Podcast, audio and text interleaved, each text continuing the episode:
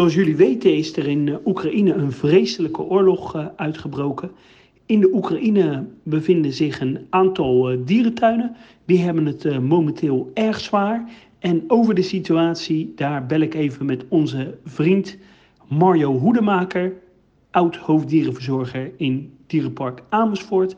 En Mario is kenner van de Oekraïense dierentuinen en, en weet hoe de situatie daar nu is. Goedemiddag uh, Mario, fijn je even te spreken. Ja. Uh, ja, een vreselijke situatie uh, momenteel in de Oekraïne gaande. En ja. zover ik weet heb jij daar goede contacten. Ja, zeker. Ik ben er enkele weken geleden nog geweest. Ik ben mentor van de dierentuin van, van Garkov. En uiteraard ook uh, goed bevriend met uh, Douglas Hutchison en Mark Dame. Die ook allebei daar een, uh, een mentor van de tuin zijn, Nicolai en Kiev. En nou ja, we weten dat die tuinen de laatste jaren ongelooflijk hard gewerkt hebben om lid van de JASA te worden. En, daar, ja, en dat wordt nu echt, wat je noemt, heel ruw verstoord. Ik heb dagelijks contact met een aantal mensen uit uh. En het laatste berichtje was net, we zitten in de zoom. En uh, alle verzorgers zijn nog in de dierentuin. Verlaten de dierentuin niet. Er wordt gevochten in Garkov. En uh, ja, het is nog niet bij de dierentuin. En er is ook nog niet gebombardeerd. Dat is het enige, ja. Voor zover er iets positiefs is dat je dat kunt vertellen.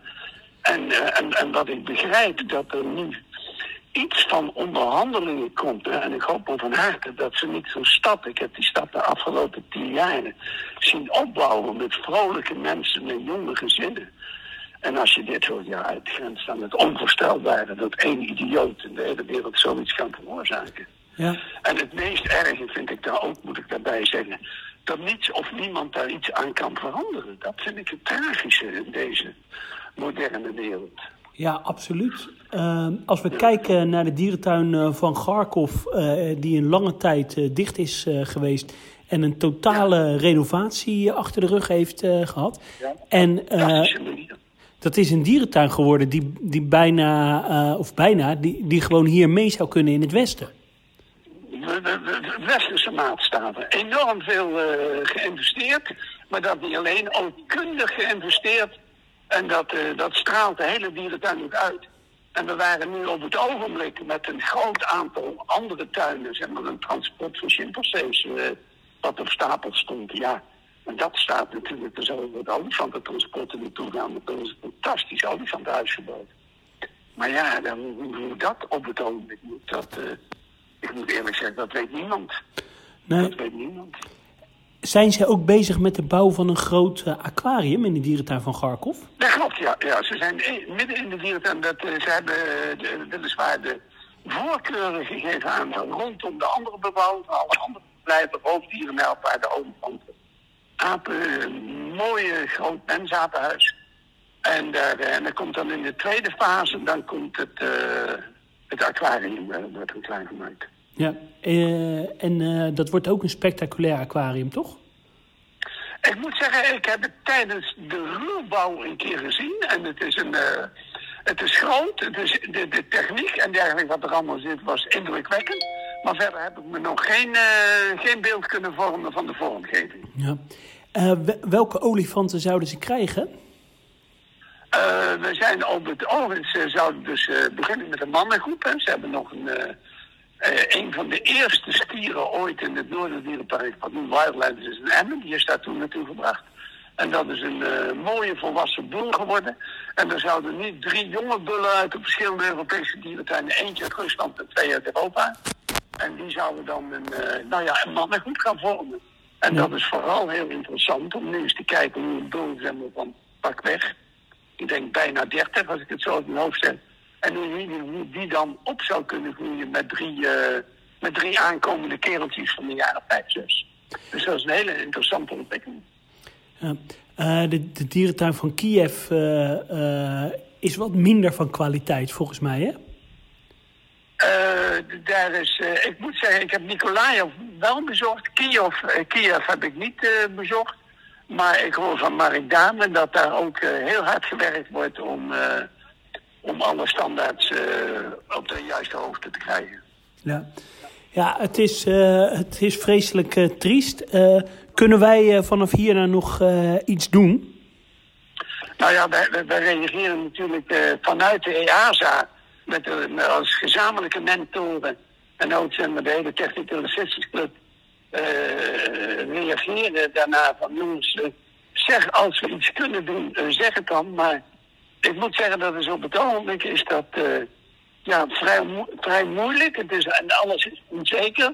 Dus, maar we hebben naar alle kanten hulp aangeboden voor zover we die aan kunnen bieden.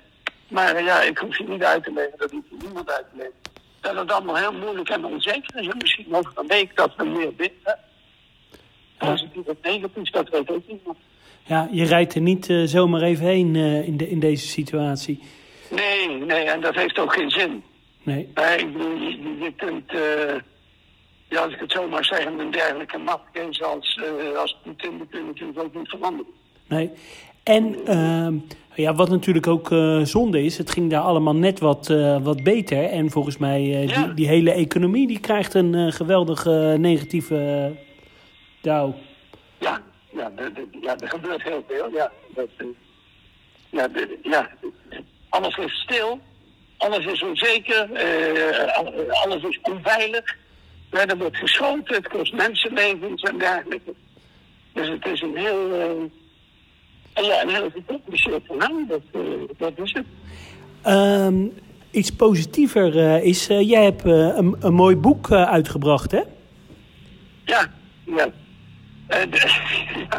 Ja. je overvalt mij, zo. Ja. Maar nee, nee, ik, heb een boek uitgebracht en dat is naar aanleiding van het feit dat toen op onze ship uh, uitbraken. Een, een, een, heel triest verhaal van eigenlijk een heel klein beetje miscommunicatie tussen twee verzorgers. Weliswaar met hele grote gevolgen. En dan, dan kun je zien, dan heb je toch een, een protocol. En dat protocol dat heeft in eigenlijk in 12, 13 minuten heeft dat gewerkt dat iedereen beveiligd was. Weliswaar ten koste van het leven van twee. Maar daar heb ik vrede mee, want ik zou het veel verschrikkelijker gevonden hebben als er iemand verantwoordelijk was en gelijk was. Dus en wat mij tot op de pot brengt, dat de volgende dag, toen stonden hier een paar mensen voor de deur en die stonden te schreeuwen van uh, vuile. En ik denk, ja, er werken geen mensen wereldwijd over de hele wereld dierenverzorgers met hart en ziel welzijn en de verrijking van dieren en dan daar zo kort door de bocht zo te gaan schreeuwen. En dat uh, deed ontzettend veel pijn. En toen kwam de gedachte bij me op. Uh, misschien leggen dierentuinen ook wel onvoldoende uit. En vanuit dat ben ik dus uh, gaan beschrijven wat ik zelf in de afgelopen 60 jaar, wat ik ervaren heb, waar ik aan meegewerkt heb, wat ik, wat ik zie en wat ik zelf doe. Uh, nou ja, wat de veranderingen in, uh, in dierentuinen en dierenparken wereldwijd zijn. En hoe wij inderdaad ook ontzettend veel doen aan educatie, hoe wij heel veel doen aan natuurbescherming. Dierentuinen wereldwijd die geven miljoenen en miljoenen dollars en euro's uit aan natuurbescherming. En dat wordt allemaal zomaar op een hoopje tv. Ja, een dierentuin is iets, dan ga je naar een aapje kijken, een patatje, dan ga in huis. Ja, zo werkt het niet. Er zijn instituten die wereldwijd ontzettend veel doen aan natuurbescherming. En dat heb ik dus uitgebreid opgeschreven. En daar, uh, en ik hoop dat mensen daar inderdaad denken, hé, hey, dat, dat zit daarin. En dat we dan, uh, laat me zeggen, ik, we, zitten niet te wachten op een andere manier van waardering. Dat men er in ieder geval eens over nadenkt dat we niet zo selectief hypocriet moeten zijn. Van een leeuw zit gevangen.